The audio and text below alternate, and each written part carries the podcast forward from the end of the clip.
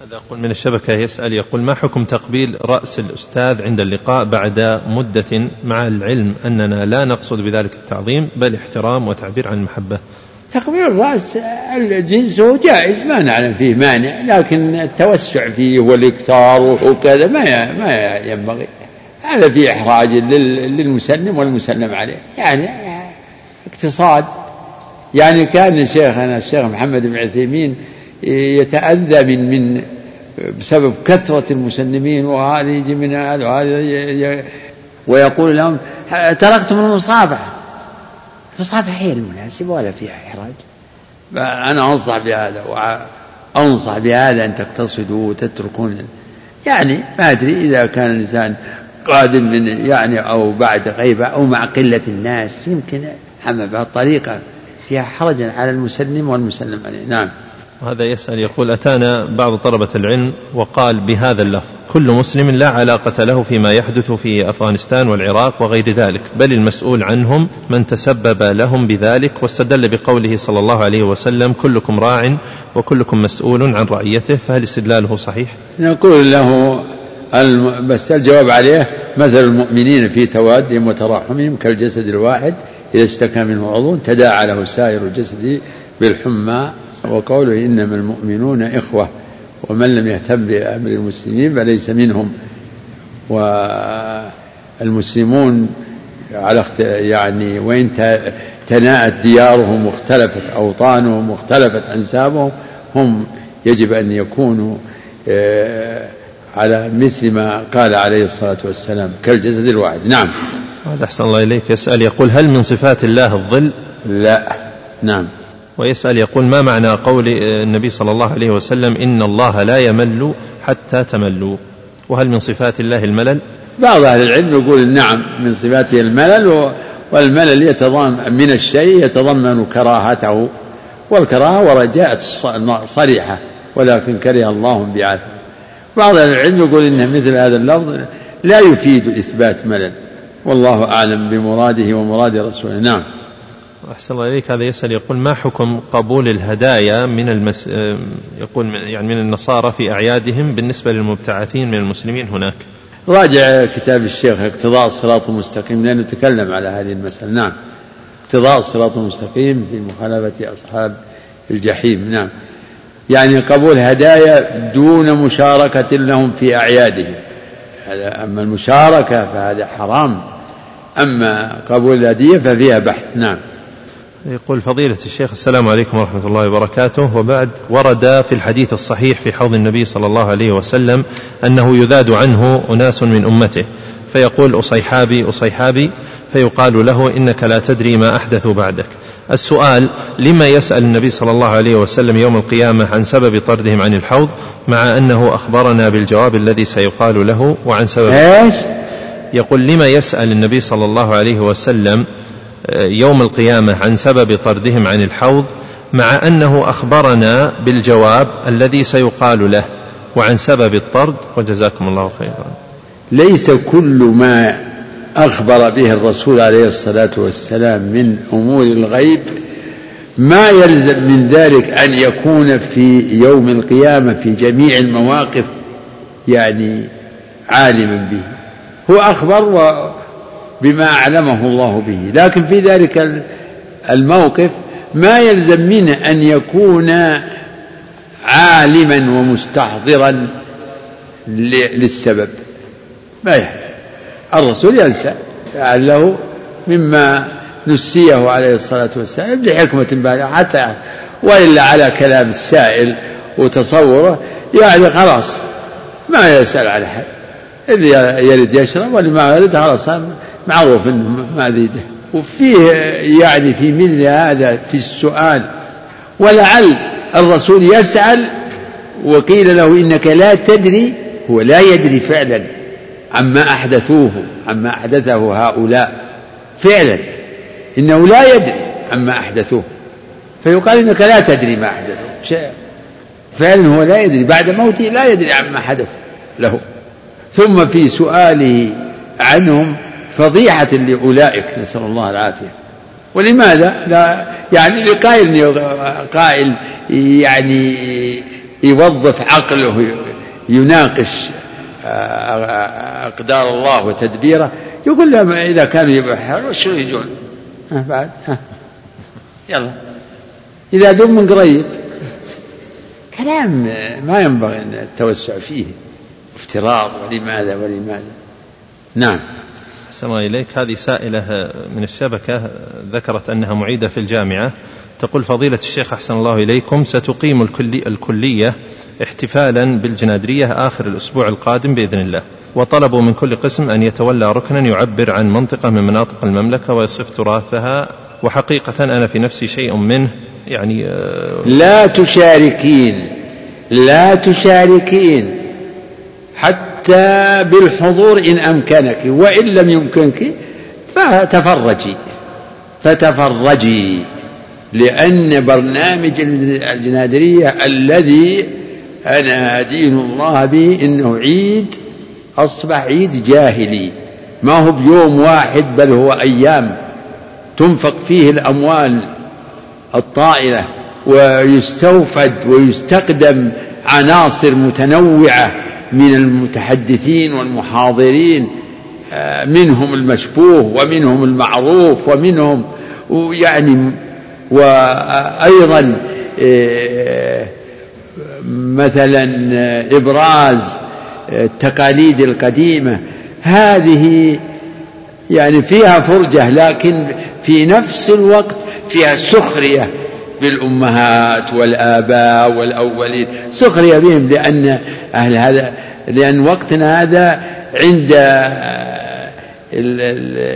يعني المعاصرين إنه عصر تنور وتقدم وحضارة وفهم للحياة وفهم للأمور.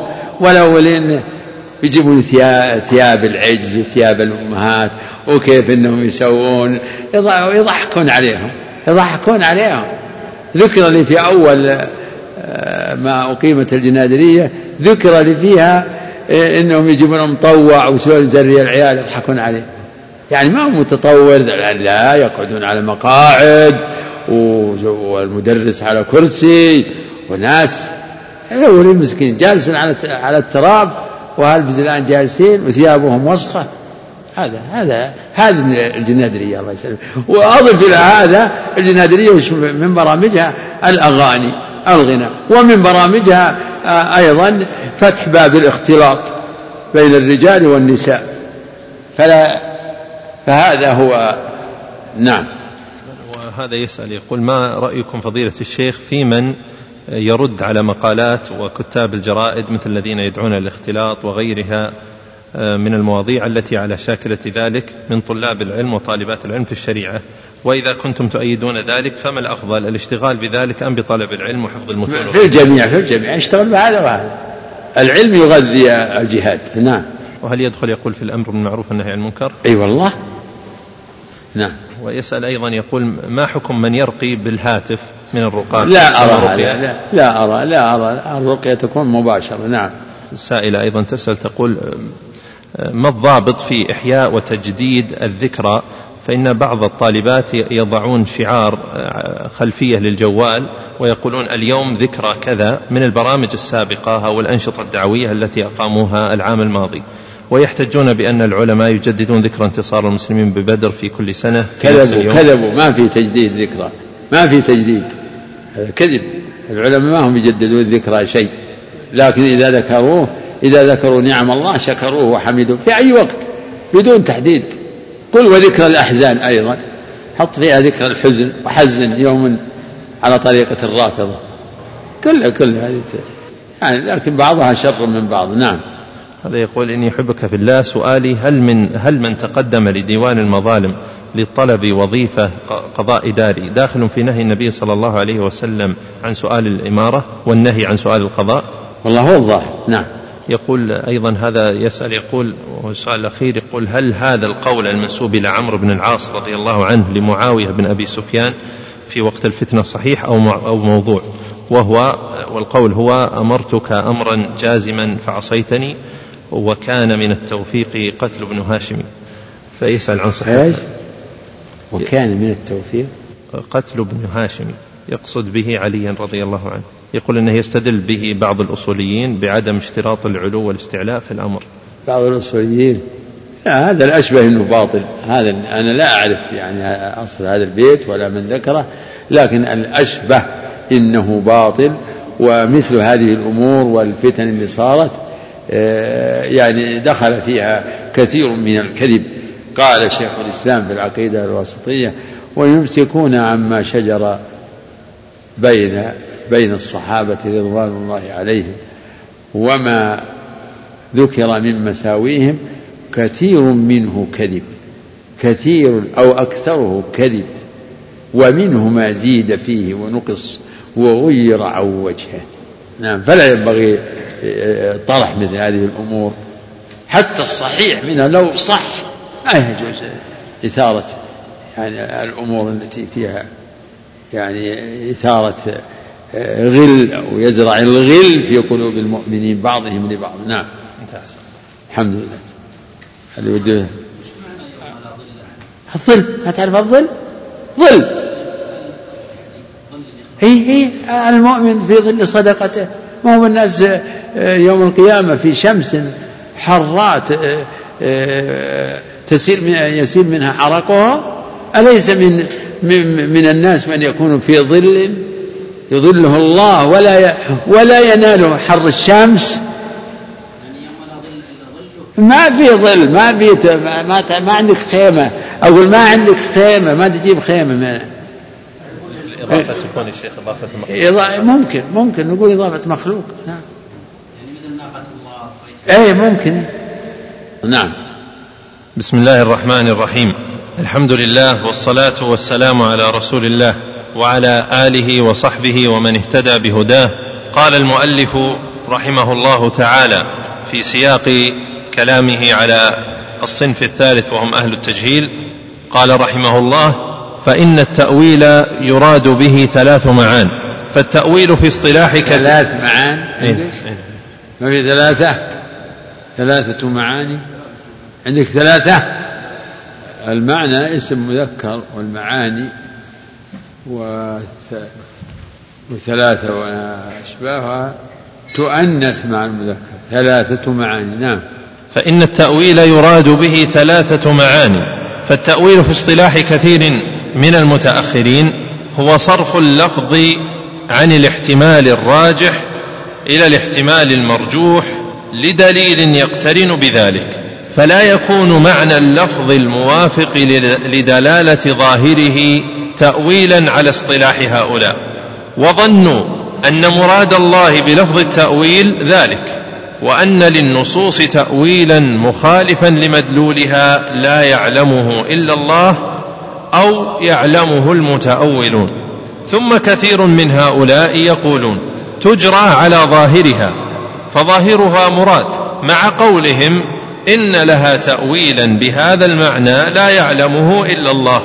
ثم كثير من هؤلاء يقولون تجرى على ظاهرها فظاهرها مراد مع قولهم إن لها تاويلا بهذا المعنى لا يعلمه إلا الله. وهذا تناقض وقع فيه كثير من هؤلاء المنتسبين إلى السنة من أصحاب الأئمة الأربعة وغيرهم. أصحاب الأئمة من الذين دخل عليهم علم الكلام وانتحلوا مذهب أحد المذاهب الكلامية. ليست ليس هذا هو قول الأئمة أصحاب الأئمة ومن المتأخرين. الغالب نعم. والمعنى الثاني أن التأويل هو تفسير الكلام سواء وافق ظاهره أو لم يوافقه وهذا هو التأويل في اصطلاح جمهور المفسرين وغيرهم وهذا التأويل يعلمه الراسخون في العلم وهو موافق لوقف من وقف من السلف على قوله تعالى وما يعلم تأويله إلا الله والراسخون في العلم. كما نقل ذلك عن ابن عباس ومجاهد ومحمد بن جعفر بن الزبير ومحمد بن إسحاق وابن قتيبة وغيرهم. وكلا القولين حق باعتبار كما قد بسطناه في مواضع أخر ولهذا نقل عن ابن عباس هذا وهذا وكلاهما حق. والمعنى الثالث أن التأويل هو الحقيقة التي يؤول الكلام إليها وإن وافقت ظاهره. فتأويل ما أخبر به في الجنة من الأكل والشرب واللباس والنكاح وقيام الساعة وغير ذلك هو الحقائق الموجودة أنفسها لا ما, يتص لا ما يتصور من معانيها في الأذهان ويعبر عنه باللسان. وهذا هو التأويل في لغة القرآن كما قال تعالى عن يوسف عليه السلام أنه قال يا أبت هذا تأويل رؤياي من قبل قد جعلها ربي حقا. وقال تعالى هل ينظرون إلا تأويله؟ يوم يأتي تأويله يقول الذين نسوه من قبل قد جاءت رسل ربنا بالحق. وقال تعالى فإن تنازعتم في شيء فردوه إلى الله والرسول. إن كنتم تؤمنون بالله واليوم الآخر ذلك خير وأحسن تأويلا. وهذا التأويل هو الذي لا يعلمه إلا الله. فتأويل الصفات هو الحقيقة التي هو الحقيقة التي انفرد الله بعلمها وهو الكيف المجهول الذي قال فيه السلف كمالك وغيره الاستواء معلوم والكيف مجهول فالاستواء معلوم يعلم معناه وتفسيره ويترجم بلغة أخرى. أما كيفية ذلك الاستواء فهو التأويل الذي لا يعلمه إلا الله تعالى. وقد روي عن ابن عباس رضي الله عنه ما ذكره عبد الرزاق وغيره في تفسيرهم عنه أنه قال تفسير القرآن على أربعة أوجه. تفسير تعرفه العرب من كلامها. وتفسير لا يعذر أحد بجهالته وتفسير يعلمه العلماء وتفسير لا يعلمه إلا الله عز وجل من ادعى علمه فهو كاذب. وهذا كما قال تعالى فلا تعلم نفس ما أخفي لهم من قرة أعين جزاء بما كانوا يعملون. وقال النبي صلى الله عليه وسلم يقول الله أعددت لعبادي الصالحين ما لا عين رأت ولا أذن سمعت ولا خطر على قلب بشر. وكذلك علم الساعة ونحو ذلك. فهذا من التأويل الذي لا يعلمه إلا الله. وإن كنا نفهم معاني ما, خطب ما خوطبنا به ونفهم من الكلام ما قصد إفهامنا إياه كما قال تعالى أفلا يتدبرون القرآن أم على قلوب أقفالها؟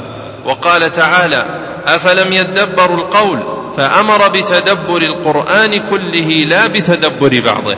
وقال أبو عبد الرحمن السلمي حدثنا الذين كانوا يقرؤوننا القرآن عثمان بن عفان وعبد الله بن مسعود وغيرهما أنهم كانوا إذا تعلموا من النبي صلى الله عليه وسلم عشر آيات لم يتجاوزوها حتى يتعلموا ما فيها من العلم والعمل. قالوا فتعلمنا القرآن والعلم والعمل جميعا. وقال مجاهد عرضت المصحف على ابن عباس رضي الله عنهما من فاتحته إلى خاتمته أقف عند كل آية أسأله عنها. وقال الشعبي ما ابتدع أحد بدعة إلا وفي كتاب الله بيانها.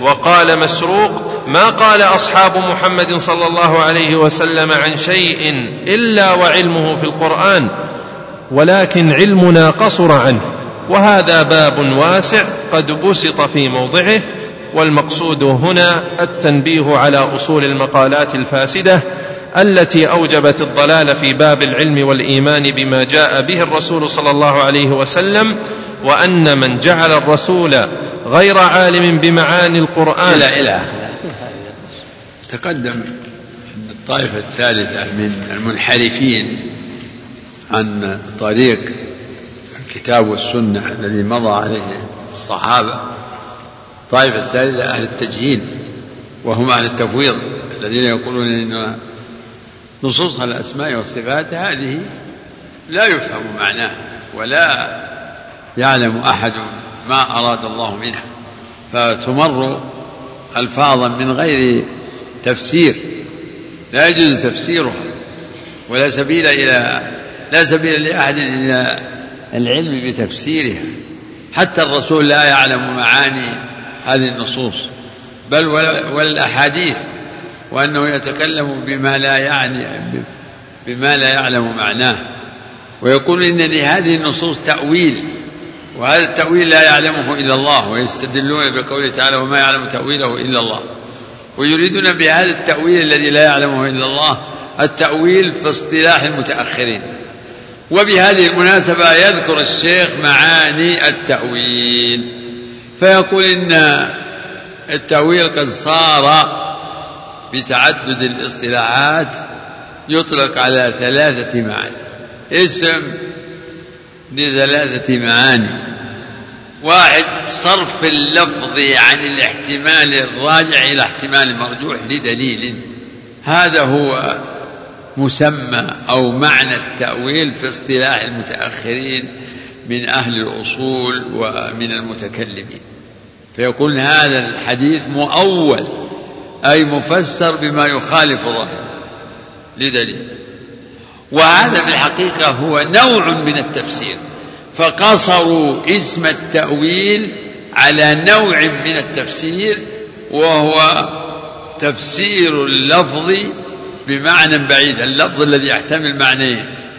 فتفسيره بالمعنى البعيد وهو الذي قلنا صرف اللفظ عن عن ظاهره إلى احتمال مرجوح لدليل. أو تقول صرف اللفظ عن الاحتمال الراجح يعني وهو المعنى الظاهر. اللفظ يحتمل معنيين معنى ظاهر ومعنى غير ظاهر معنى مرجوح. فتفسيره بالمعنى الثاني هذا هو التأويل عندهم.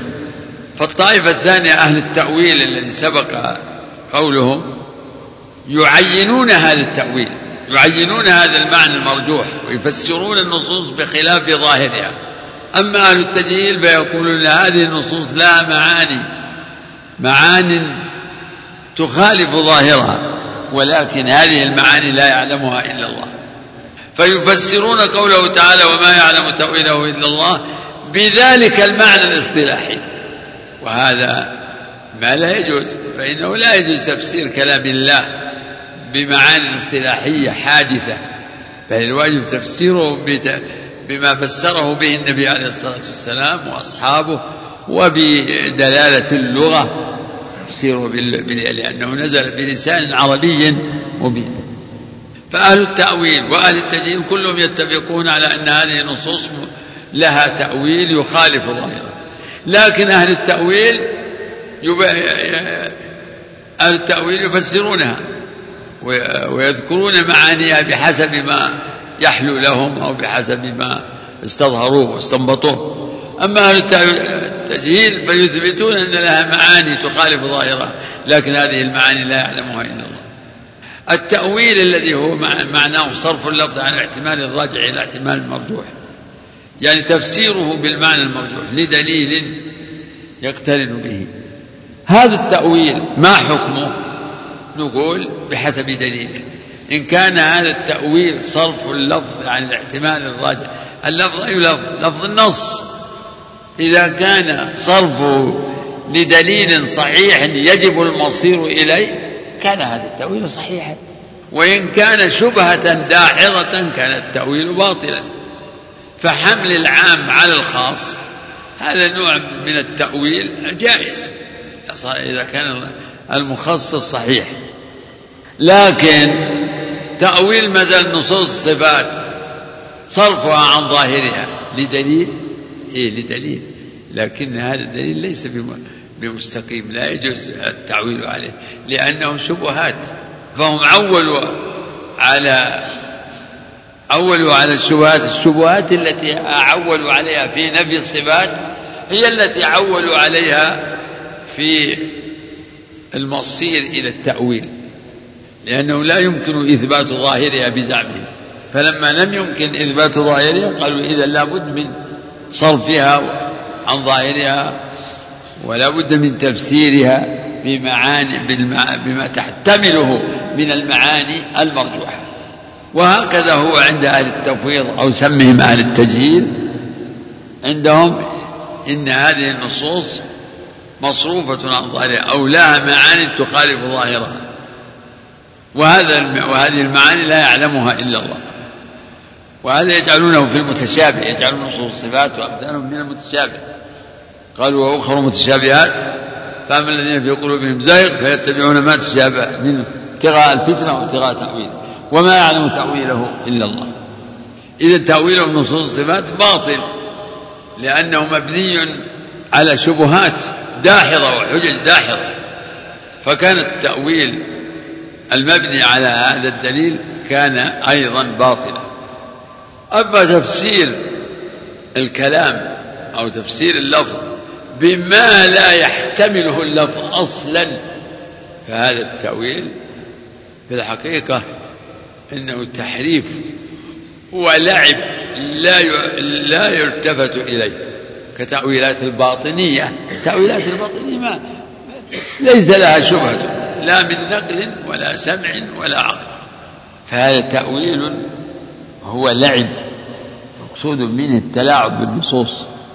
كما قالوا مرج البحرين يلتقيان علي وفاق يخرج منهما اللؤلؤ والمرجان الحسن والحسين تبت يدا أبي لهب أبو بكر ومن هذا الهراء وهذا الإلحاد. فهذا التأويل في اصطلاح المتأخرين قلت لكم عن حكمه اجمالا إنه بحسب الدليل. دليل إن كان الدليل الذي بني عليه التأويل صحيحا يجب الوصف اليه فالتاويل صحيح. وإن كان باطلا فباطل. وتأويل نصوص الصفات باطل لأنه لا دليل له. صحيح. المعنى الثاني من معاني التأويل التأويل بمعنى التفسير. التفسير سواء كان خالف الظاهر أو وفق خلاص. تأويل بمعنى التفسير. يقول الشيخ وهو اصطلاح كثير من المفسرين وهو في الحقيقة أشهر من أطلق ذلك ابن جرير فإن فإن عبارته واحدة مستمر عندما يريد يتكلم عن الآية يقول القول في تأويل قوله تعالى والصواب في تأويل هذه الآية وكلمات من هذا النوع وبمثل الذي قلنا قال أهل التأويل. هذه عبارة مستمرة مضطردة فالتأويل هنا بمعنى التفسير. سواء وافق الظاهر أو خالف الظاهر. وبهذا يعلم أن التأويل في اصطلاح المتأخرين وهو المعنى الأول إنه داخل في معنى التفسير في التأويل بمعنى التفسير. لكنه لا خص خص التأويل بنوع من التفسير. أما المعنى الثالث من معاني التأويل فهو الحقيقة التي يؤول إليها الكلام. الحقيقة فتأويل الخبر هو عين المخبر به المخبر عنه. عين المخبر عنه هو تأويل الخبر. فلو أخبرك مخبر بأن فلان قد أقام مأدبة دعا إليها دعا إليها لا بالعلم أو دعا إليه جماعته. هذا خبر. ف... وأنت أحد المدعوين. فإذا رأيت أو وقدم هذا الطعام هذه الضيافة فهذا هو تأويل الخبر الذي أخبر. نفس الواقع تطبيق. وتأويل الرؤيا هو نفس الواقع المطابق لها المصدق لها. كما جاء في قصة في رؤيا يوسف. رؤيا يوسف جاءت في أي آية من السورة؟ في أول الآية في مطلع السورة. ومضى السياق عن يوسف وما جرى من إخوته عليه وما جرى كذلك عليه من امرأة العزيز وما جرى عليه بعد ذلك. وانتهى المطاف لما فادخلوا مصر إن شاء الله آمنين. ورفع أبويه على العرش وخروا له سجدا. من الذي خر له؟ أبواه وإخوته. أبواه اثنان. وإخوته. إيش كم؟ تسع إيش؟ 14 11 والشمس 11 11 فلما خروا قال يا أبتي هذا تأويل الرؤيا. وطبق هذا على أمورك العادية. رأيت في المنام أنك يعني أعطيت مبلغ من المال وهي رؤية صحيحة.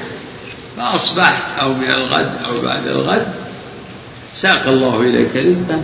فهذا تقول هذا تأويل الحلم.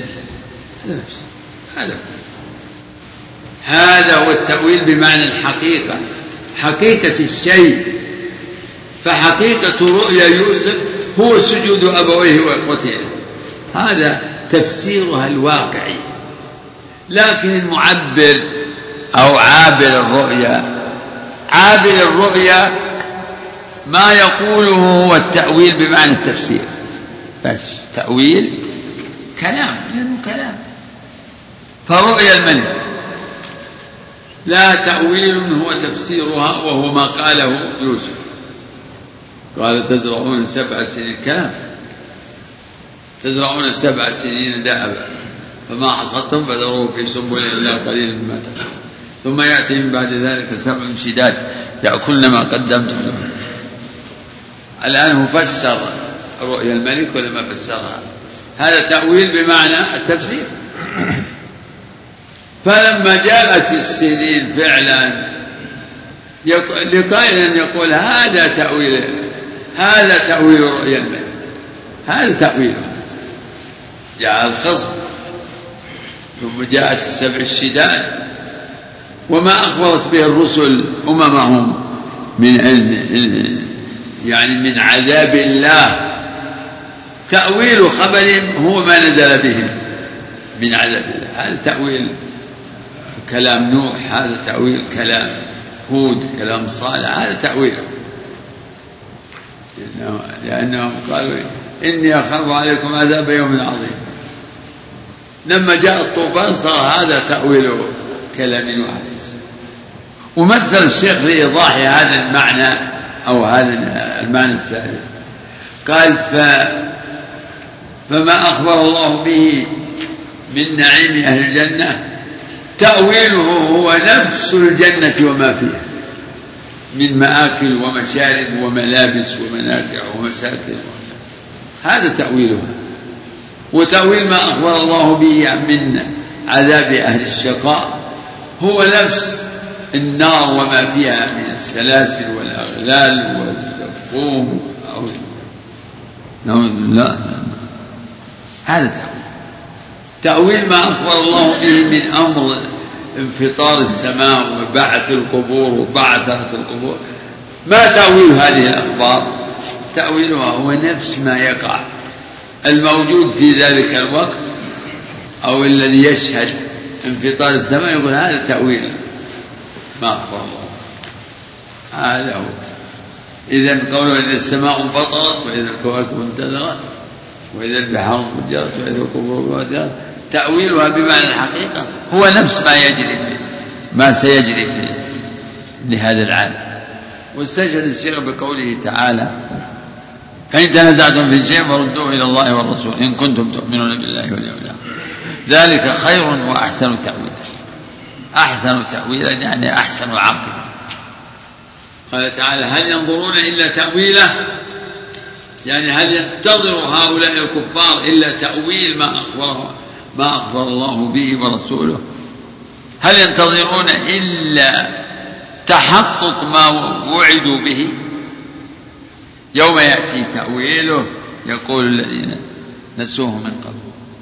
وهذا مثل يقول قائلهم إذا خرجوا من القبور من بعثنا من مرقدنا؟ يقول القائل هذا ما وعد الرحمن. هل الساوي يقول هذا تأويل الرؤيا؟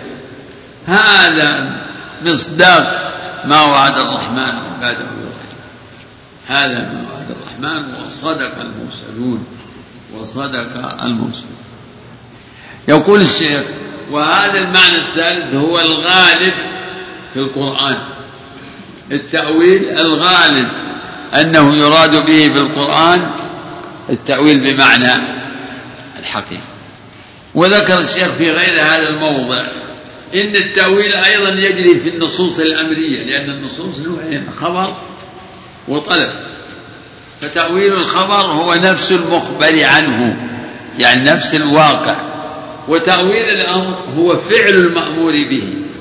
واستشهد الشيخ بقول عائشة رضي الله عنها كان رسول الله صلى الله عليه وسلم بعدما نزل عليه قوله تعالى إذا جاء نصر الله. الآية. كان يكثر من قولي سبحانك اللهم ربنا وبحمدك اللهم اغفر لي. تقول يتأول القرآن. يعني يعمل فالمسلم إذا جاء يصلي وأدى الصلاة على الوجه المشروع هو بهذا يعني فعله هذا هو تأويل قوله تعالى وأقيموا الصلاة. فتأويل الأمر هو فعل المأمور به وتأويل النهي هو ترك المنهي عنه. يقول الشيخ فهذا التأويل الذي هو الحقيقة هي التي لا يعلمها أو هو الذي لا يعلمه إلا الله. فحقائق الآخرة وما هي عليه لا يعلمها إلا الله. قال الله أعددت لعباد الصالحين ما لا عين رأت ولا أذن سمعت ولا خطر على قلب بشر. فقال فلا تعلم نفس ما أخفي لهم من قرة أعين.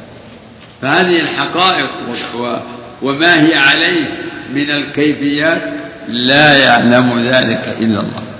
وهكذا ما يتعلق بالرب تعالى.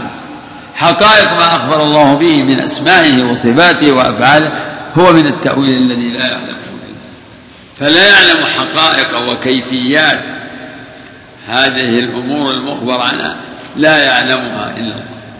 فهو سبحانه الذي يعلم حقائق الغيب من أمر الآخر. كيف يكون البعث؟ كيف يكون الوزن الأعمال؟ كيف يكون حوض النبي؟ كيف تكون الجنة؟ ما تحيط العقول بهذه الأمور؟ كيف يكون الصراط؟ يعني أمور نعلم معانيها لكن لا ندرك حقائقها وذكر الشيخ أيضا إن الآية وما يعلم تأويله إلا الله. جمهور الأمة جمهور القرى يقفون على لفظ الجلالة. وما يعلم تأويله إلا الله فيكون هذا فيه نفي. علم أحد من العباد بالتأويل الذي هو الحقيقة. وجاء عن بعضهم كمجاهد يقول وابن عباس وآخرين إن الراسخين بالعلم يعلمون تأويل المتشابه ولهذا يقفون على لفظ العلم وما يعلم تأويله إلا الله والراسخون في العلم. يعني والراسخون في العلم يعلمون تأويله كذلك. يقولون كل من المعنى التأويل بمعنى الحقيقة هي التي لا يعلمها إلا والتأويل بمعنى التفسير هذا يعلمه العلماء. ولهذا يقول في غير هذا الموضع ولا منافاة بين القولين. والجمع بين القراءتين هي يحصله أو ييسره ما علم من تعدد معنى التأويل. فالتأويل الذي لا يعلمه إلا الله هو الحقائق الغاية. والتأويل الذي يعلمه العلماء هو التفسير. واستشهد الشيخ بأثر ابن عباس التفسير على أربعة أوجه. تفسير تعريف العرب من كلامها. ميسور معروف تعريفه العرب من كلامه وتفسير يعلمه لا يعذر أحد بجهله وهي المعاني الشرعية. يعني ما تعرفه العرب من كلامها مثل معنى شمس وقمر وأرض وسماء و... ويعلم مسميات اللغوية المعروفة يعرفها العلم ما يحتاج. أما على قراءة الجمهور والوقف على لفظ الجلالة فالمراد بالتأويل الحقيقة التي يقول إليها ومن شواهد هذا المعنى أثر ابن عباس. قال التفسير على أربعة أوجه تفسير تعرفه العرب من كلامها. مثل الكلمات اللي قال لها. غريب. تعرف بطريق وتفسير لا يعذر أحد بجهله وهو المعاني الشرعية. لا بد أن يعرف المسلم ما معنى الصلاة. ما المراد بالصلاة؟ ما المراد بالزكاة؟ ما المراد بالصوم؟ إلى آخره. وتفسير لا يعلم. هذا هو الشاهد من ذكر الأثر. وتفسير لا يعلم. وتفسير لا يعلمه إلا الله. من ادعى علمه فهو كاذب وهو علم حقائق ما أخبر الله به عن نفسه وعن اليوم الآخر. تفسير يعلمه العلماء. تفسير يعلمه العلماء مثل المعاني الدقيقة تفاصيل يعني وبعض تفاصيل الحكم و وعلل التشريع. هذه من من شأن العلم هذه يعني جوانب التفسير الأربعة في كلام ابن عباس وهذه معاني التأويل تأويل في اصطلاح المتأخرين التأويل في اصطلاح المفسرين التأويل معناه الأصيل أنه الحقيقة التي يؤول إليها الكلام. وهذا هو الغالب على ما جاء في القرآن أن يراد بالتأويل الحقيقة التي يؤول إليها. اقرأ النص مرة أخرى. قال رحمه الله في نقطة يا يا الشيخ يقول إن أهل التجهيل الذين يقولون إن للنصوص معاني تخالف ظاهرها وهذا وهذا المعنى لا يعلمه إلا الله يقول قد يقول بعضهم إن هذه النصوص يجب إجراؤها على ظاهرها. يجب إجراؤها على ظاهرها. يعني إذا فظاهرها إذا مراد يقول إن هذا تناقض ظاهر منه. كيف يقولون إن إنه يجب إجراؤها على ظاهرها؟ وأن ويجب اعتقاد أن لها تأويل لا يعلمه إلا الله. يقول إن هذا تناقض. نعم. قال رحمه الله فإن التأويل يراد به ثلاثة معان فالتأويل في اصطلاح كثير من المتأخرين هو صرف اللفظ عن الاحتمال الراجح إلى الاحتمال المرجوح. فإن كان الدليل صحيحا كان التأويل صحيحا. وإن كان فاسدا كان التأويل فاسدا وهو أحق باسم التحريف. نعم. التأويل الفاسد نعم يجب أن يسمى تحريف. نعم. إلى الاحتمال المرجوح لدليل يقترن بذلك. فلا يكون معنى اللفظ الموافق لدلالة ظاهره تأويلا على اصطلاح هؤلاء. وظنوا أن مراد الله بلفظ التأويل ذلك وأن للنصوص تأويلا مخالفا لمدلولها لا يعلمه إلا الله أو يعلمه المتأولون. ثم كثير من هؤلاء يقولون تجرى على ظاهرها فظاهرها مراد مع قولهم إن لها تأويلا بهذا المعنى لا يعلمه إلا الله وهذا تناقض وقع فيه كثير من هؤلاء المنتسبين إلى السنة من أصحاب الأئمة الأربعة وغيرهم. والمعنى الثاني أن التأويل هو تفسير الكلام سواء وافق ظاهره أو لم يوافقه. تفسير الكلام بالمعنى الظاهر تفسير. وتفسيره بالمعنى الثاني البعيد تفسير لكن الأول هو الراجح. يعني ينبغي إجراء النصوص على ظاهرها نعم. وهذا هو التأويل في اصطلاح جمهور المفسرين وغيرهم وهذا التأويل يعلمه الراسخون في العلم. وهو موافق لوقف من وقف من السلف على قوله تعالى وما يعلم تأويله إلا الله والراسخون في العلم. كما نقل ذلك عن ابن عباس. نقل عن ابن عباس ومجاهد يقول عرضت المصحف على ابن عباس. يقول عرضت المصحف على ابن عباس مرتين. أقف عند كل آية. فأسأله عنها مما يدل على أن جميع القرآن يعلم معناه. لا كما يقول أهل التجهيل إن المتشابه لا يعلم معناه إلا الله. كما نقل ذلك عن ابن عباس ومجاهد ومحمد بن جعفر بن الزبير ومحمد بن إسحاق وابن قتيبة وغيرهم. وكلا القولين حق باعتبار كما قد بسطناه في مواضع أخر ولهذا نقل عن ابن عباس هذا وهذا وكلاهما حق. والمعنى الثالث أن التأويل هو الحقيقة التي يؤول الكلام إليها وإن وافقت ظاهره.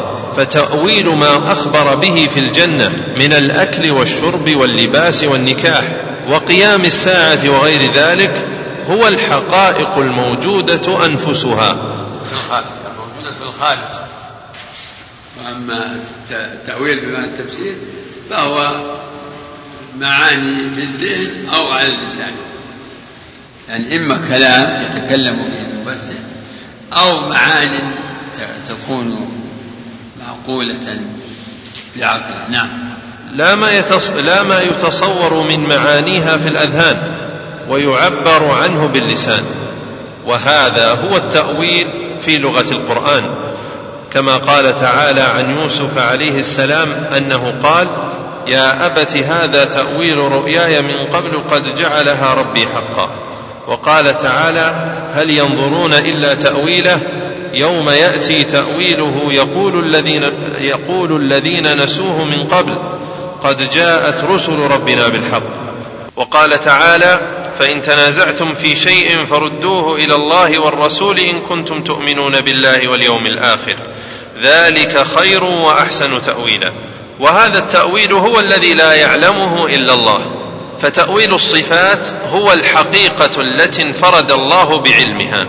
وهو الكيف المجهول الذي قال فيه السلف كمالك وغيره الاستواء معلوم والكيف مجهول.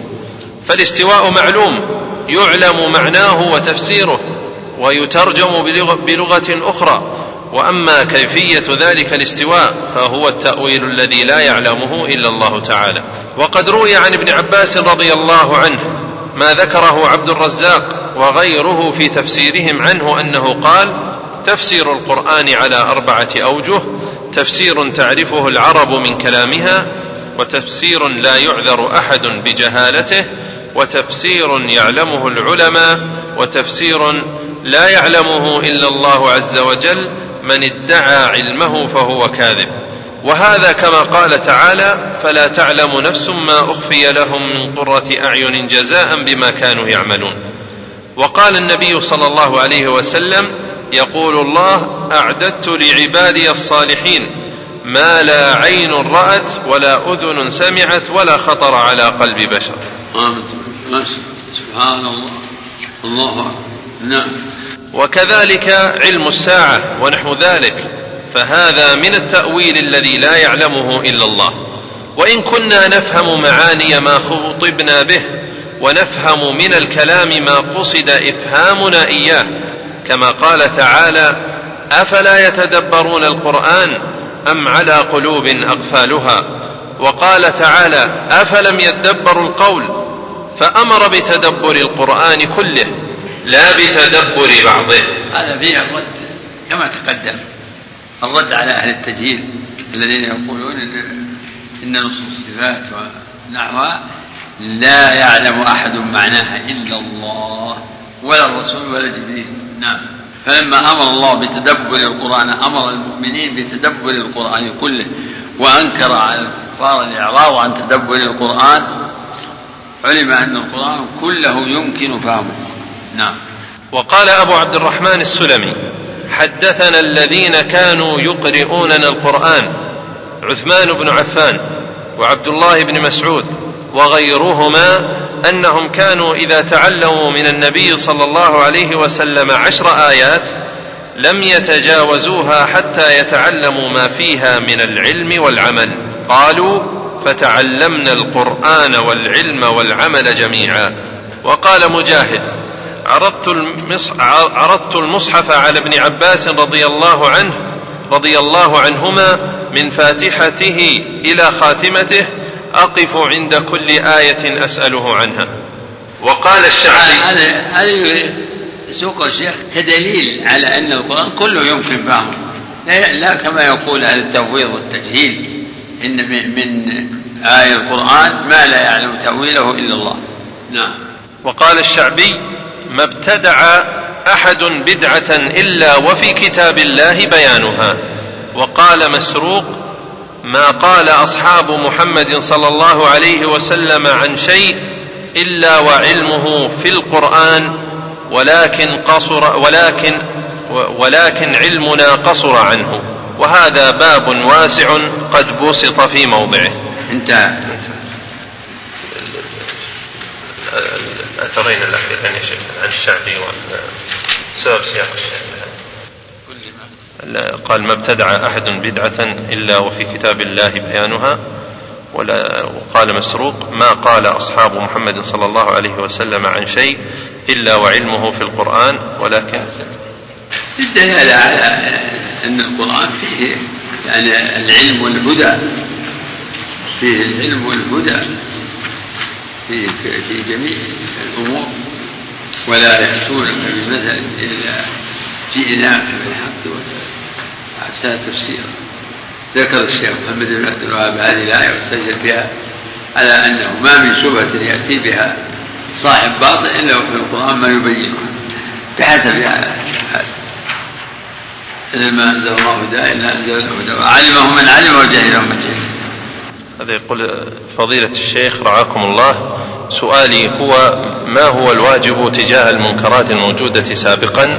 والتي تتجدد آه، كل مدة وهل من نصيحة لمن يتساهل في النصيحة وإنكار المنكر؟ وفقكم الله وسددكم أن يفعل الإنسان من من واجب الأمر بالمعروف والنهي عن المنكر ما يستطيع وفي الحدود الشرعية وبالطرق الشرعية وكل وهذا من رحمة الله. فاتقوا الله ما استطعتم. رأى منكم منكرا فليغيره بيده. فمن لم يستطع فبلسانه فمن لم يستطع ومن لم يستطع فبقلبه. الحمد لله. ولا شك إن الإعراض عن القيام بهذا الواجب يأسا هذا غلط. بل لا يزال يعني للأمر والنهي تأثير على كثير من الناس. ولو قل الرسل مكثوا سنين طويلة وهم يدعون إلى الله وما آمن معه إلا قليل. نعم. أحسن الله إليك. هذا يقول النوع الثاني من من معاني التأويل تفسير الكلام سواء وافق ظاهره أو خالفه. فهل كلام المفسرين قد يخالف ظاهر الكلام؟ وإذا كان التفسير يخالف ظاهره؟ التفسير التفسير قد قد تفسر الآية بخلاف ظاهرها لسبب لدليل. لدليل قرينة قد يراد بال, بال يعني عندك فيها العام المخصوص والعام الذي أريد به الخصوص الذين قال لهم الناس إن الناس قد جمعوا لكم. هذا يعني كل الناس قيل لكل الناس إن كل الناس قد جمعوا لكم. لا هذا فسر فسر بأنه فلان عيم بن مسعود الذي جاء ينقل للرسول رسالة عن من أبي سفيان. يقول له آه، أن آه، أن أبو سفيان يجمع آه، لكم ليكر على المدينة. فالرسول عليه الصلاة والسلام قال حسبنا الله ونعم هذه الكلمة قالها إبراهيم عليه السلام لما ألقي في النار. وقالها محمد صلى الله عليه وسلم لما قيل له إن الناس قد جمعوا لكم فاخشوهم. نعم. يقول أحسن الله إليك شيخنا الفاضل في صلاة المغرب آه، عرض علي أحد الجماعة الجمع للمطر علما بأننا سمعنا الرعد ولم ينزل بعد آه، المطر فهل يجوز ذلك؟ وما الضابط في الجمع؟ والله يا أخي الجمع مقصود منه رفع الحرج فإذا كان هناك حرج نقول جاز الجمع. إذا لم يكن هناك حرج الحمد لله. مسألة ما هي مسألة تشهي يعني بس يجمع الناس ولا عندهم مشكلة. يروحون لشؤونهم الدنيوية من غير أن ينالهم أي حرج. نعم. أحسن الله إليك. يقول ما هو الرد على من قال أن معنى قوله تعالى وهو معهم معناه العلم. فيقول أن هذا تأويل. كيف نرد عليه؟ يقول بل سلمنا جدلا أنه تأويل. فلدليل فلأدلة العلو المتضافرة المتظاهرة. ومع ذلك نمنع أن هذا تأويل. بل والله مع عباده وفوق العرش. وكلمة بعلمه هذا لتقريب المعنى. أنه معهم وهو فوق العرش يعلم أحوالهم ويسمع أقوالهم. ويرى مكانهم إذا هو معهم بسمعه وبصره وعلمه. نعم. وأيضا أخذوا هذا الأئمة أخذوه من نفس الآية. فإنها بدأت بالعلم وختمت بالعلم. نعم. يقول السلام عليكم ورحمة الله وبركاته. في حديث أبي قتادة آه، قال صلى الله عليه وسلم لا يمسكن أحدكم ذكره وهو يبول ولا يتنفس في الإناء وهو يشرب. هل للنهي للتحريم أم للكراهة؟ جزاكم الله خير. المشهور عند أهل العلم أنه للكراهة لكن الأصل في النهي التحريم. نعم. صلى الله إليك. يقول يا شيخ غفر الله لكم ونفع بكم الإسلام والمسلمين وطال الله في عمركم على طاعته. سؤال سؤالي هو ما هي الطريقة المثلى للتعامل مع الرافضة؟ وخاصة أن في الآونة الأخيرة صار لهم حضور في بعض الوزارات والدول الحكومية. يا أخي الرافضة التعامل معهم إن كان من المسالمين الذي يؤدون أعمالهم ولا يدخلون في قضية المذهبية فهذا تعاملوا بالحسنى ولا تؤذيه ولا تظلمه وتسلم عليه وترد عليه السلام لأنه مسلم في الظاهر فإن كان من النوع اللي لا زي ما يقولون ينفخ ويفخر ويتبجع بالرفض. وأننا وأننا ويلمز أهل السنة فهذا يعني لا تعطيه وجه. بل أعرض عنه ولا تسلم عليه ولا ترد عليه السلام. وإذا تكلم بشيء من الباطل طعنا على أهل السنة فارفع به فأنكر عليه وبلغ عنه. نعم.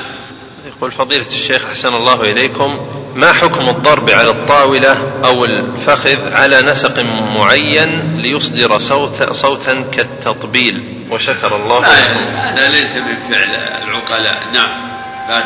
هذا يقول هل تقضى النوافل بعد فوات وقتها ومثلها الرواتب؟ ويسأل تحديدا عن سنة الفجر حكم قضائها بعد الصلاة مع أنه وقت نهي. جائز يجوز. كذات السبب كذوات الأسباب. نعم وهذا يقول أحسن الله إليكم هل من قال بالتفويض وسكت ولم يقل بأن ظاهر الصفات غير مراد؟ وإنما قال الله أعلم بمعانيها. هل هذا قوله أخف من قول المؤولة؟ لا كل منهم قوله قبيح. يتفقون جميعا على التعطيل. أهل التفويض وأهل التأويل كلهم يلتقون على مذهب التعطيل. كلهم. على سبيل المثال قوله تعالى الرحمن على العرش استوى. أهل التأويل وأهل التعطيل وأهل التفويض كلهم ينفون حقيقة الاستواء عن الله. يقولون الله في كل مكان. ما هو فوق العرش ولا فوق العرش. طيب يا أهل التأويل تقولون بقوله تعالى الرحمن على العرش استوى. يقول معناه استولى أو أقبل على خلقه أو ما أشبه ذلك. وماذا تقول أنت يا أهل التوفيق يقول الله أعلم بمراده. لا ندري وش معنى هذه الآية. نعم. هذا يقول السلام عليكم ورحمة الله وبركاته. يقولون كأنها يعني يقول يقولون أن نصوص القرآن والسنة لا معاني لها. إيش؟ كأنه يتكلم عن التجهيل. يقول أنهم يقولون أن نصوص القرآن والسنة لا معاني لها فكيف إذا أتت نصوص علمائهم ما يعملون بها؟ هذا مما يرد به عليهم أنهم في نصوص القرآن يحملون يعني يزعمون آه، إنها مثلا لا تدل على المعاني أو نصوص أئمتهم يعظمونها ولا يقولون إن شيء منه لا معنى له وما أشبه ذلك. وإذا جاء وردت عليهم نصوص الكتاب والسنة يعني راحوا يلتمسون له ويتمحلون وأقوال ائمه هذا يقال في الإنكار عليهم نعم. يقول شيخنا الكريم أحسن الله إليك أشهد الله على حبك. هل يصح هذا الكلام؟ يا الله ما أنت بخيل. ونحوه من الأدعية. صحيح الله تعالى ليس ببخيل. بل يداه مبسوطتان. قالت اليهود يد الله مغلولة وغلت أيديهم. فقولك يا الله لست بخيل. لكن الأولى بدل ما أنت بخيل اللهم أنت الكريم. أنت أنت الجواد يا ذا الجلال والإكرام. أنت الرزاق لماذا تقول ما أنت بخيل؟ يا رب أنت لا تنام. يعني لا بأس هو المعنى صحيح. لكن ما دام فيه أنت الجواد الذي يعني تأكيد لا, لا تبخل أنت الحي الذي لا تموت. نعم. يقول أيضا أيهما يقدم في الإمامة؟ عامي ظاهره الصلاح يحسن الفاتحة أو من هو أعلم منه لكن ظاهره الفسق. إذا كان العامي يحسن الصلاة ويحسن القراءة الواجبة في الصلاة فالأظهر تقديم الأصلح. نعم. هذا يقول يسأل عن قول من يقول إن الرافضة ليسوا كفار وذلك أن الشخص ما دام يقول لا إله إلا الله فإنه لا يكفر هذا من أقبح الجهل. هل كل من يقول لا إله إلا الله في ملاحدة يقول لا إله إلا الله. وهم ملاحدة عندهم من نواقض الإسلام يعني عدد. ذلك يقول لا إله إلا الله. واقرأ كشف الشبهات للشيخ محمد بن الوهاب في تقرير هالمسألة والرد على الشبهات. نعم. هذا يسأل عن حديث النهي عن النهي عن صفقتين في صفقة أو بيعتين في بيعة. يقول فسرها الراوي هو أن يقول آه، هو حالا بكذا ونسأ بكذا هل المراد أن ينفصل المتبايعان في غير من غير تحديد أي نعم, نعم أما إذا أما إذا اتفقوا على الحلول أو التأجيل ما صار فيه بيعتين. إنما يصير فيه بيعتين إذا أنه قال بكذا أو بكذا ثم افترقا من غير يعني اتفاق. نعم. يقول شيخنا أحسن الله إليك توجد آه، لإحدى المساجد ساحة خارجية ليس لها سور. ثم سورت بعد ترميم المسجد فهل آه، تعد من المسجد فيمنع الباعة أن يبيعوا داخلها؟ نعم. ادخلت المسجد نعم. وهذا يقول يا شيخنا أحسن الله إليك كثيرا ما أسافر إلى الصين والهند بقصد التجارة ويدعونني لتناول الغداء أو العشاء لكن المشكلة أنهم يشربون الخمر أثناء الأكل. فهل يجب علي منعهم من شرب الخمر رغم لا يجب عليك إنك لا تجلس معهم. آه. نعم. يسأل عن استعمال العطور التي فيها نسبة من الكحول. والله اجتنابها أحوط. نعم. أنت أحسن بسم الله الرحمن الرحيم. الحمد لله والصلاة والسلام على رسول الله وعلى آله وصحبه ومن اهتدى بهداه.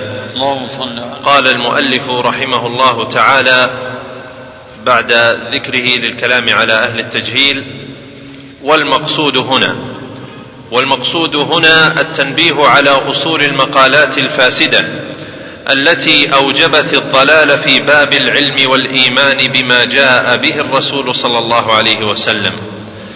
وأن من جعل الرسول غير عالم بمعاني القرآن الذي أنزل إليه ولا جبريل جعله غير عالم بالسمعيات لم يجعل القرآن هدى ولا بيانا للناس. ثم هؤلاء ينكرون العقليات في هذا الباب بالكلية ينكرون العقليات في هذا الباب بالكلية. فلا يجعلون عند الرسول صلى الله عليه وسلم وأمته في باب في باب معرفة الله عز وجل لا علوما عقلية ولا سمعية. وهم قد شاركوا في هذا الملاحدة من وجوه متعددة وهم مخطئون فيما نسبوه إلى الرسول صلى الله عليه وسلم وإلى السلف من الجهل كما أخطأ في ذلك أهل التحريف والتأويلات الفاسدة وسائر أصناف الملاحدة. ونحن نذكر من ألفاظ السلف بأعيانها وألفاظ من نقل مذهبهم بحسب ما خلاص هذا نقول كثيرا. ما يبين الشيخ في هذه الجملة أن المقصود في هذا المقام هو بيان الأصول الفاسدة. أصول هذه الطوائف أهل التخييل وأهل التأويل وأهل التجهيل أصولهم التي اعتمدوا عليها وهي أصول فاسدة. وما بني على الفاسد فاسد. ويثني على على أهل التجهيل التي قلت قلت لكم إنهم هم أهل التفويض. لكن قيل لم تجهيل لأن مذهبهم يتضمن تجهيل الرسول وتجهيل الصحابة فيما في معاني ما أنزل الله. ولا شك أن هذا ضلال مبين. وهو أن أن يقال إن الرسول لا يعلم ما أنزل الله عليه. لا يعلم معانيه.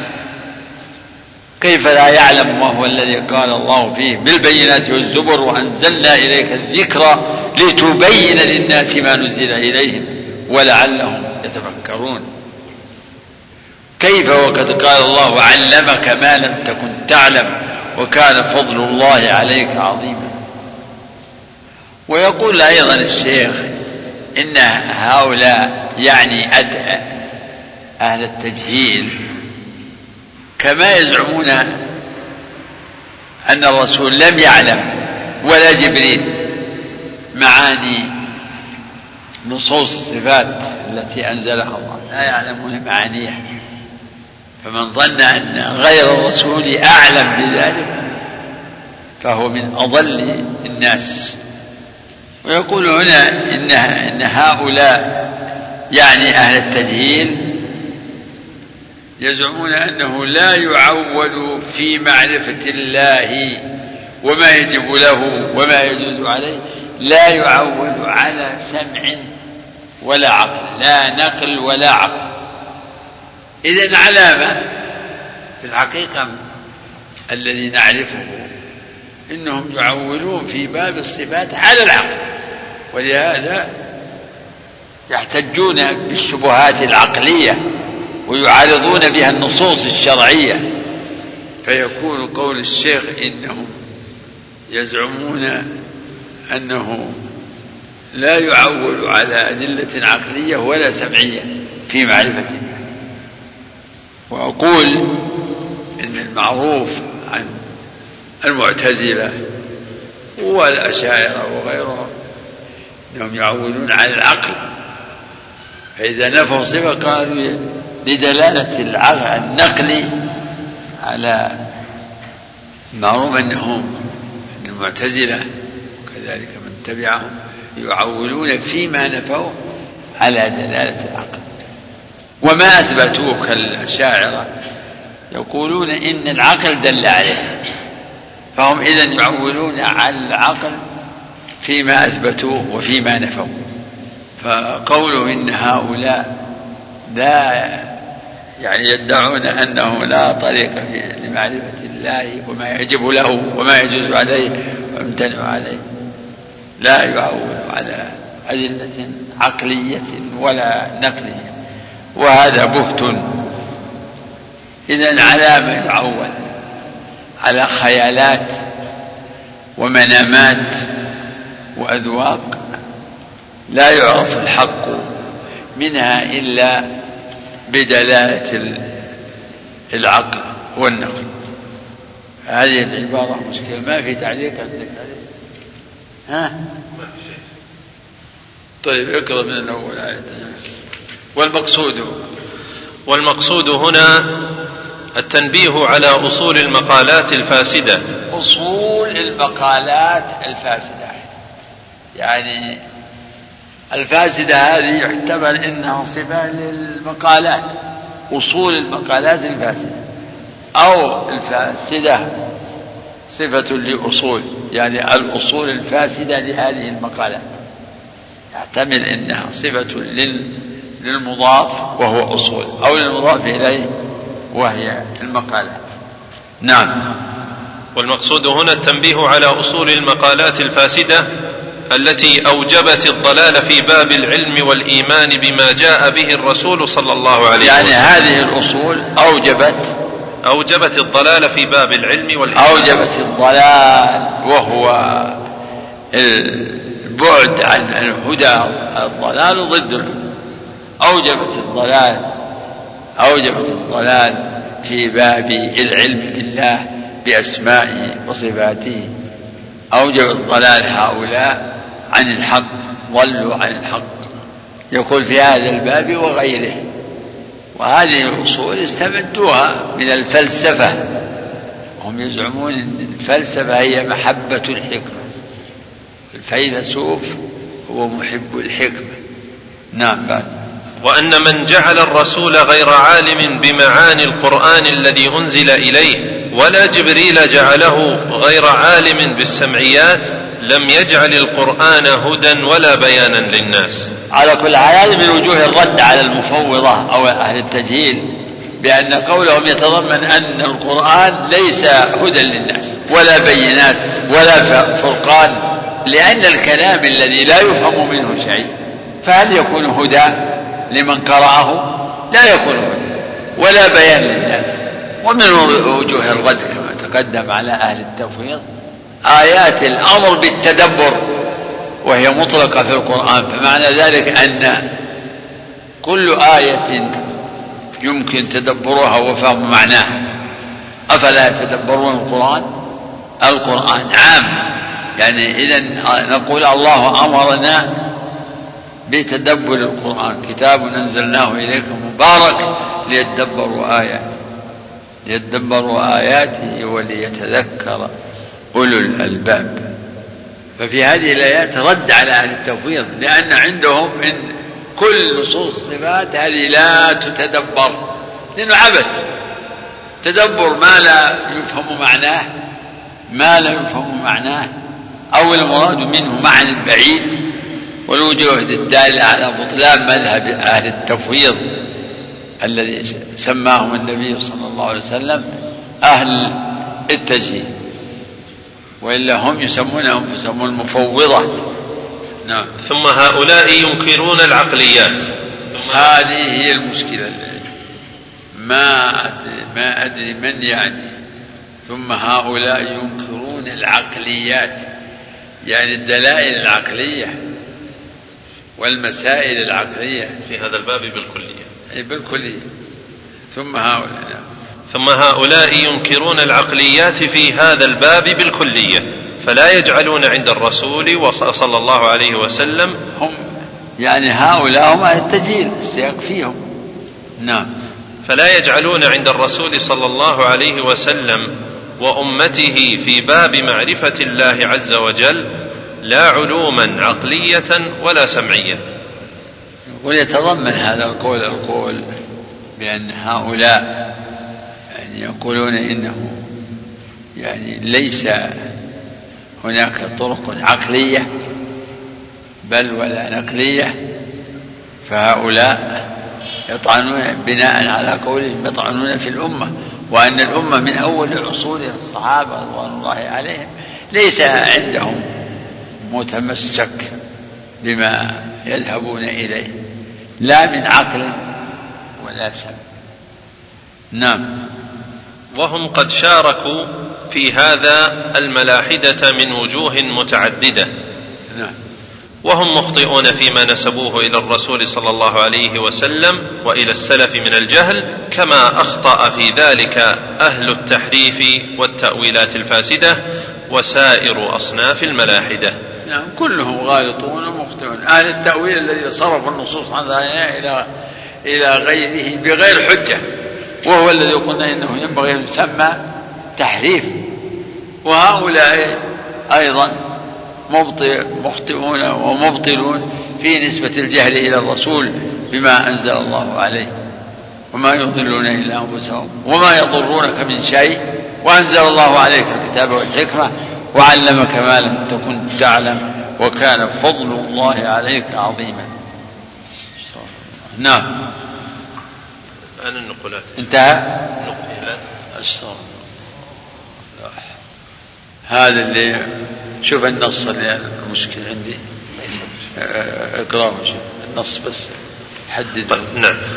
ثم هؤلاء ينكرون العقليات في هذا الباب بالكلية. في هذا الباب أي باب الأسماء والصفات.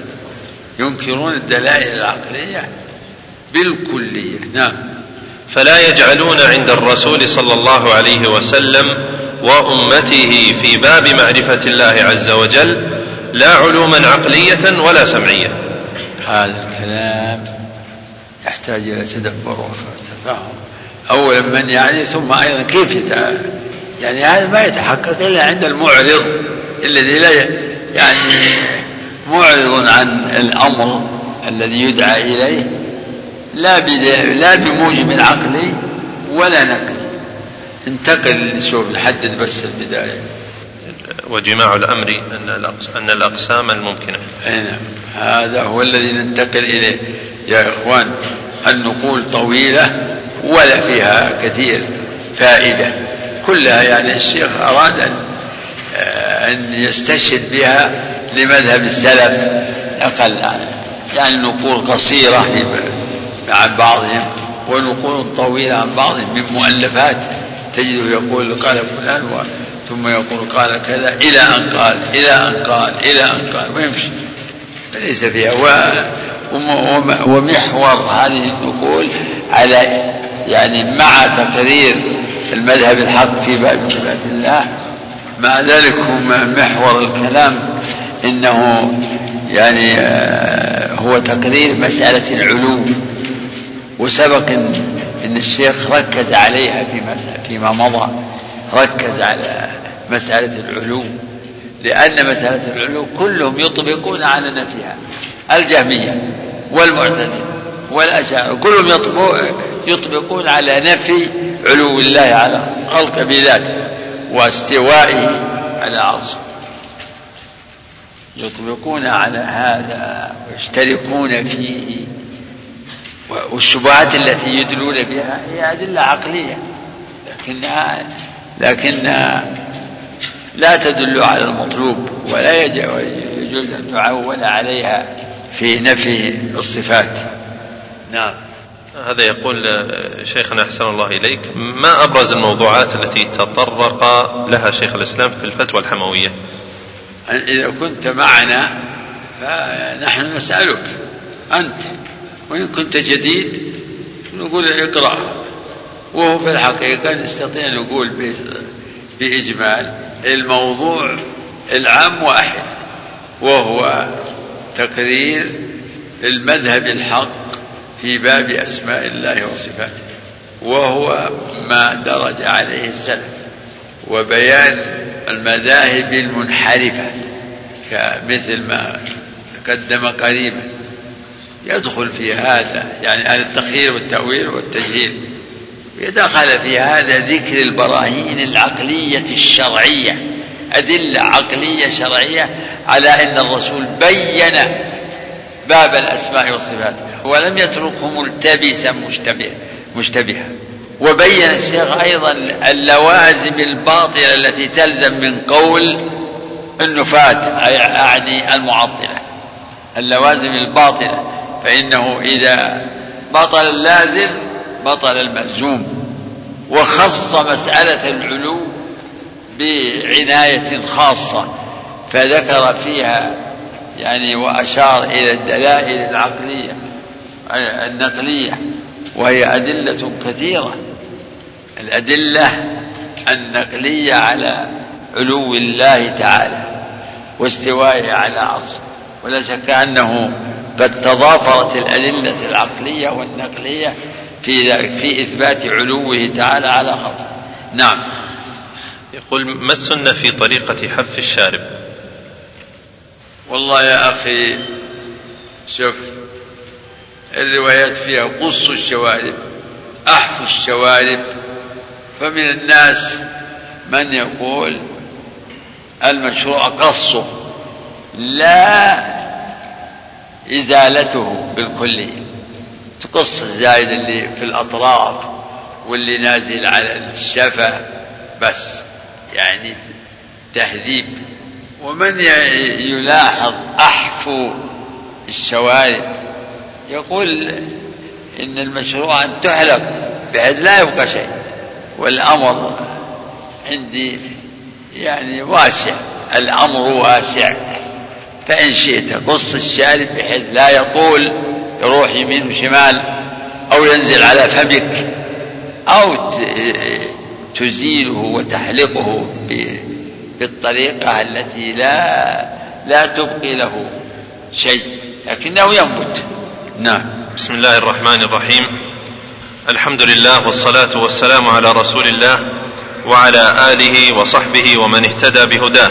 قال المؤلف رحمه الله تعالى واعلم أن من المتأخرين من يقول مذهب السلف إقرارها على ما جاءت به مع اعتقاد أن ظاهرها غير مراد وهذا لفظ مجمل فإن قوله ظاهرها غير مراد يحتمل أنه أراد بالظاهر نعوت المخلوقين وصفات المحدثين مثل أن يراد بكون الله قبل وجه المصلي أنه مستقر في الحائط الذي يصلي إليه وأن الله معنا ظاهره أنه إلى جانبنا ونحو ذلك. فلا شك أن هذا غير مراد. ومن قال إن مذهب السلف أن هذا غير مراد فقد أصاب في المعنى لكن أخطأ في إطلاق القول بأن هذا هو ظاهر الآيات والأحاديث. فإن هذا المحال ليس هو الأظهر على ما قد بيناه في غير هذا الموضع. اللهم إلا أن يكون هذا المعنى الممتنع صار يظهر لبعض الناس فيكون القائل لذلك مصيبا بهذا الاعتبار معذورا في هذا الإطلاق. فإن الظهور والبطون قد يختلف باختلاف أحوال الناس وهو من الأمور النسبية. وكان أحسن من هذا أن يبين أن يبين لمن أن يبين لمن اعتقد أن هذا هو الظاهر أن هذا ليس هو الظاهر حتى يكون أعطى كلام الله وكلام رسوله حقه لفظا ومعنى. وإن كان الناقل عن السلف أراد بقوله الظاهر غير مراد عندهم أن المعاني التي ظهرت من هذه الآيات والأحاديث مما يليق بجلال الله وعظمته لا يختص بصفة المخلوقين بل هي واجبة لله أو جائزة عليه جوازا ذهنيا أو جوازا خارجيا. غير مراد فقد أخطأ فيما نقله عن السلف أو تعمد الكذب فما يمكن أحدا قط أن ينقل عن واحد من السلف ما يدل لا نصا ولا ظاهرا أنهم كانوا يعتقدون أن الله ليس فوق العرش ولا أن الله ليس له سمع وبصر ويد حقيقة. وقد رأيت هذا المعنى ينتحله بعض من يحكيه عن السلف ويقول إن طريقة أهل التأويل هي في الحقيقة طريقة السلف. بمعنى أن الفريقين اتفقوا على أن هذه الآيات والأحاديث لم تدل على صفات الله سبحانه ولكن السلف أمسكوا عن تأويلها والمتأخرون رأوا المصلحة تأويلها. لمسيس الحاجة إلى ذلك ويقول الفرق أن هؤلاء يعينون المراد بالتأويل وأولئك لا يعينون لجواز أن يراد غيره. وهذا القول على الإطلاق كذب صريح على السلف. أما في كثير من الصفات فقطعا مثل أن الله فوق العرش فإن من تأمل كلام السلف المنقول عنهم الذي لم يحك هنا عشره علم بالاضطرار أن القوم كانوا مصرحين بأن الله فوق العرش حقيقة وأنهم ما اعتقدوا خلاف هذا قط. وكثير منهم قد صرح في كثير من الصفات بمثل ذلك. والله يعلم أني بعد بعد البحث التام ومطالعة ما أمكن من كلام السلف ما رأيت كلام أحد منهم يدل لا نصا ولا ظاهرا ولا بالقرائن على نفي الصفات الخبرية في نفس الأمر. بل الذي رأيته أن كثيرا من كلامهم يدل إما نصا وإما ظاهرا على تقرير جنس هذه الصفات. ولا أنقل عن كل واحد منهم إثبات كل صفة بل الذي رأيته أنهم يثبتون جنسها في الجملة وما رأيت أحدا منهم نفاها. وإنما ينفون التشبيه وينكرون على المشبهة الذين يشبهون الله بخلقه مع إنكارهم على من نفى الصفات كقول نعيم بن حماد الخزاعي شيخ البخاري من شبه الله بخلقه فقد كفر ومن جحد ما وصف الله به نفسه فقد كفر وليس ما وصف الله به نفسه ولا رسوله تشبيها. وكانوا إذا رأوا الرجل قد أغرق في نفي التشبيه من غير إثبات الصفات قالوا جهمي معطل. وهذا كثير جدا في كلامهم فإن الجهمية والمعتزلة إلى اليوم يسمون من أثبت شيئا من الصفات مشبها كذبا منهم وافتراء. حتى إن منهم من غلا ورمى الأنبياء صلوات الله وسلامه عليهم بذلك. حتى قال ثمامة بن أشرس من رؤوس الجهمية ثلاثة من الأنبياء مشبهة. موسى حيث قال إن هي إلا فتنتك وعيسى حيث قال تعلم ما في نفسي ولا أعلم ما في نفسك. ومحمد حيث قال ينزل ربنا. وحتى أن جل المعتزلة تدخل عامة الأئمة مثل مالك وأصحابه والثوري وأصحابه والأوزاعي وأصحابه والشافعي وأصحابه وأحمد وأصحابه وإسحاق بن راهوية وأبي عبيد وغيره في قسم المشبهة. وقد صنف أبو إسحاق إبراهيم بن عثمان بن درباس الشافعي جزءا أسماه تنزيه الشريعة عن الألقاب الشريعة الشنيعة. تنزيه الشريعة. نعم التنزيه كتابا أسماه أو جزءا أسماه تنزيه الشريعة عن الألقاب الشنيعة. عندكم أئمة؟ تنزيه أئمة الشريعة والله مناسب أئمة لأنه لأنهم يقولون تشبيه معهم أئمة أئمة أنسب نعم. إيه، هو هو هذا هو. نعم. وذكر فيه كلام السلف وغيرهم من معاني هذه الألقاب. وذكر أن أهل البدع كل صنف كل صنف منهم يلقب أهل السنة بلقب افتراه يزعم أنه صحيح على رأيه الفاسد. كما أن المشركين كانوا يلقبون النبي صلى الله عليه وسلم بألقاب افتروها. فالروافض تسميهم نواصب والقدرية يسمونهم مجبرة والمرجئة يسمونهم شكاكا والجهمية شكاكا والمرجئة تسميهم شكاكا والجهمية تسميهم مشبهة وأهل الكلام يسمونهم حشوية ونوابت وغثاء وغثرا إلى أمثال ذلك. كما كانت قريش تسمي النبي صلى الله عليه وسلم تارة مجنونا وتارة شاعرا وتارة كاهنا وتارة مفتريا قالوا وهذا علامة الإرث الصحيح والمتابعة التامة فإن السنة هي ما كان عليه رسول الله صلى الله عليه وسلم اعتقادا واقتصادا وقولا وعملا. فكما أن المنحرفين عنه يسمونه بأسماء مذمومة مكذوبة وإن اعتقدوا صدقها بناء على عقيدتهم الفاسدة فكذلك التابعون له على بصيرة الذين هم أولى الناس به في المحيا والممات باطنا وظاهرا.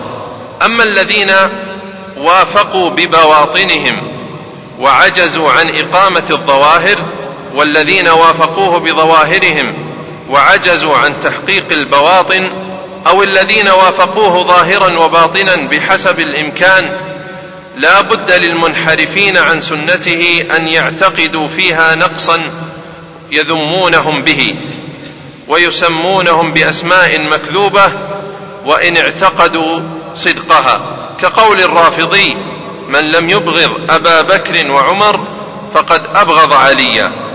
لأنه لا ولاية لعلي إلا بالبراءة منهما. ثم يجعل من أحب أبا بكر وعمر ناصبيا. بناء على هذه الملازمة الباطلة التي اعتقدوها صحيحة أو عاندوا فيها وهو الغالب. وكقول القدري من اعتقد أن الله أراد الكائنات وخلق أفعال العباد فقد سلب العباد القدرة والاختيار وجعلهم مجبورين كالجمادات التي لا إرادة لها ولا قدرة. وكقول الجهمي من قال إن الله فوق العرش فقد زعم أنه محصور وأنه جسم مركب وأنه مشابه لخلقه. وكقول الجهمية والمعتزلة من قال إن لله علما وقدرة فقد زعم أنه جسم مركب وهو مشبه لأن هذه الصفات أعراض والعرض لا يقوم إلا بجوهر متحيز وكل متحيز فجسم مركب أو جوهر فرد ومن قال ذلك فهو مشبه لأن الأجسام متماثلة ومن حكى عن الناس المقالات وسماهم بهذه الأسماء المكذوبة بناء على عقيدتهم التي هم مخالفون له فيها فهو وربه والله من ورائه بالمرصاد ولا يحيق المكر السيء إلا بأهله. واجمع له لا كلام عظيم. ما ذكره في أول ومطلع هذا الكلام هو مضمون قاعدة في التدمورية